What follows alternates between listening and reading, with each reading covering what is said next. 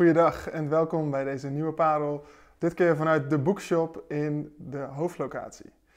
Vandaag wil ik het met jullie hebben over waarom we bidden in de naam van Jezus. Want ik merk bij mezelf dat ik bijna al mijn gebeden afsluit met de woorden in de naam van Jezus. Amen. En ik weet vrij zeker dat jij dat ook doet. Want dat is hoe we hebben leren bidden. En ik heb afgelopen weken stiekem een beetje in de gaten gehouden hoe mensen hun gebed afsluiten. En ja hoor, 9 van de 10 gebeden eindigen met in de naam van Jezus. Amen.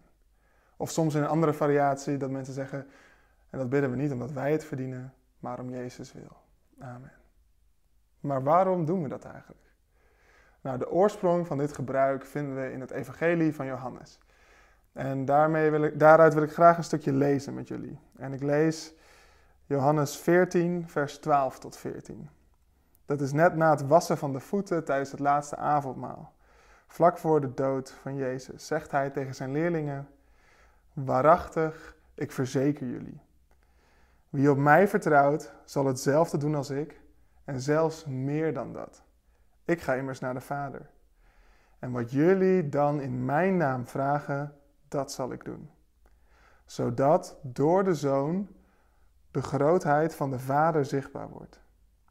Wanneer je iets in mijn naam vraagt, zal ik het doen. Wat een prachtige belofte van Jezus. Maar wat wij daarvan gemaakt hebben, is dat we aan het eind van ieder gebed één zinnetje toevoegen. Dat bidden we in de naam van Jezus. Amen. En daarmee hebben we dit, deze hele uitnodiging ontvangen. En eigenlijk is dit een hele efficiënte manier van ons om te verzekeren dat God ons gebed verhoort. En daar is niks mis mee. Ik bedoel, Jezus legt deze uitnodiging bij ons neer. Maar de manier waarop we ermee omgaan, gaat denk ik niet, doet het denk ik niet helemaal recht aan hetgene wat Jezus hiermee bedoelt. Want bidden in de naam van Jezus is niet een soort toverspreukje wat we aan het eind van ons gebed toevoegen, waardoor wij alles krijgen waar we om vragen.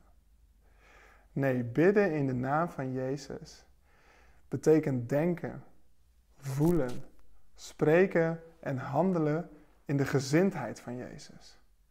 Bidden in de naam van Jezus betekent dat wij ons voegen naar Zijn wil en in Zijn naam vragen of Hij wil doen wat Zijn wil is.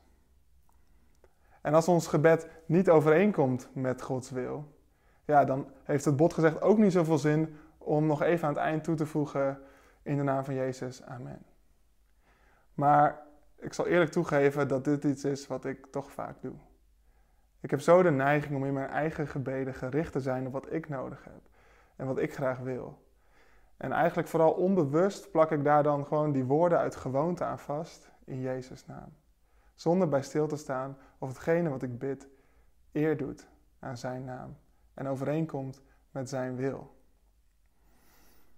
Het probleem daarmee is dat ik gericht ben op mezelf in het gebed. Terwijl dat is helemaal niet wat Jezus voor ogen heeft als Hij ons uitnodigt om te bidden in Zijn naam. Hij geeft het doel van het bidden in Zijn naam in, dit, in die tekst die ik net gelezen heb en ik ga het herhalen. In vers 13 zegt Jezus dat Hij doet wat wij in Zijn naam vragen, zodat door de Zoon de grootheid van de Vader zichtbaar wordt. Bidden in de naam van Jezus gaat niet om ons, maar om de grootheid van de Vader.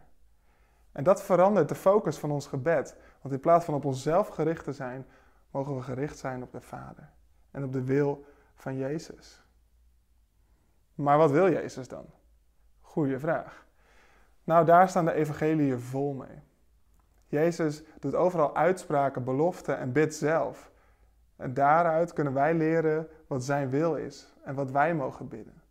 Denk alleen maar aan het Onze Vader, waarin Jezus bidt voor de komst van Gods koninkrijk, voor dagelijks brood, voor vergeving en verlossing van het kwaad. Dat zijn allemaal dingen waar wij voor mogen bidden. En ook in de tekst van vandaag doet Jezus een belofte waar we voor mogen bidden. Want in vers 12 zegt hij: Waarachtig, ik verzeker jullie. Wie op mij vertrouwt, zal hetzelfde doen als ik en zelfs meer dan dat. En daarna als je mij vertrouwt, wat jullie dan in mijn naam vragen, zal ik doen. Als we vertrouwen in Jezus, zullen wij hetzelfde doen als Hij en zelfs nog meer dan dat. Kun, kun je dat geloven? Ik moet eerlijk zeggen dat ik er niet echt een beeld bij kan vormen en dat ik ook wel eerlijk kan zeggen dat het in mijn leven nog geen realiteit is. Maar het is wel echt wat ik verlang. Het is mijn diepste verlangen om te worden zoals Jezus. Dat Hij echt genoeg voor mij is. En dat ik in Hem alles vind wat ik nodig heb. En dat is gewoon een belofte van God. Dat is gewoon iets waar we voor mogen bidden en Hij zal het ons geven als wij het vragen in Zijn naam. Dus als ik in Jezus' naam bid om te worden zoals Hij, zal Hij mijn gebed verhoren. En het mooie is dat al het andere, waar ik nu zo vaak op gericht ben in mijn gebed, er dan bij gegeven wordt. Want een andere belofte van Jezus die hij doet in Matthäus 5 is: zoek eerst het koninkrijk van God. En al het andere zal je erbij gegeven worden. Dus daar mogen we in gaan staan. En bidden in de naam van Jezus is een concrete manier om dit realiteit te laten worden. En bidden in zijn naam is dan veel meer dan een zinnetje toevoegen aan het eind van een gebed zodat het werkt. Het is een hartsgesteldheid waaruit we mogen bidden. Niet onze wil, maar uw wil geschieden. In de hemel, zo ook op de aarde. En begrijp me goed, ik probeer hier niet mee te zeggen dat je vanaf nu niet meer je gebed mag eindigen met in Jezus' naam. Mijn doel hiermee is dat je meer dan ooit beseft wat die woorden betekenen. En dat het ook een manier is om na te gaan dat wat je bidt ook in zijn naam gebeden kan worden. En als we dan nadenken over die betekenis, is het misschien wel logischer om te zeggen dat we ons gebed voortaan beginnen met de woorden in de naam van Jezus. Dat we bidden in de naam van Jezus en ons in die manier voegen naar zijn wil. Nu, als je net als ik bent en denkt, yes, ik ben om, ik ga vanaf nu mijn gebed beginnen met in de naam van Jezus in plaats van eindigen, ga je al snel tegenaan lopen van wat je dan moet zeggen als je je gebed gaat afsluiten. Dat is tenminste waar ik tegenaan liep.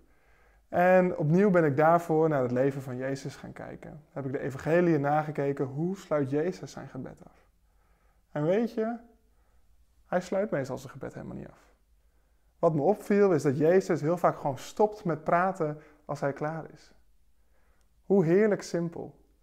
Hoe prachtig. Maar ja, voor mensen als ik en misschien ook voor jou is dat misschien ook niet zo praktisch. Want ja, zeker als je met meerdere mensen bent, hoe weten ze dan dat je klaar bent? Nou, en daarom denk ik, er is hier niet zozeer een goed of fout. Sluit af op een manier die jij fijn vindt. Amen is altijd goed. Maar weet wat het betekent om te bidden in de naam van Jezus. En daarmee kun je net zo goed je gebed ook afsluiten. Amen.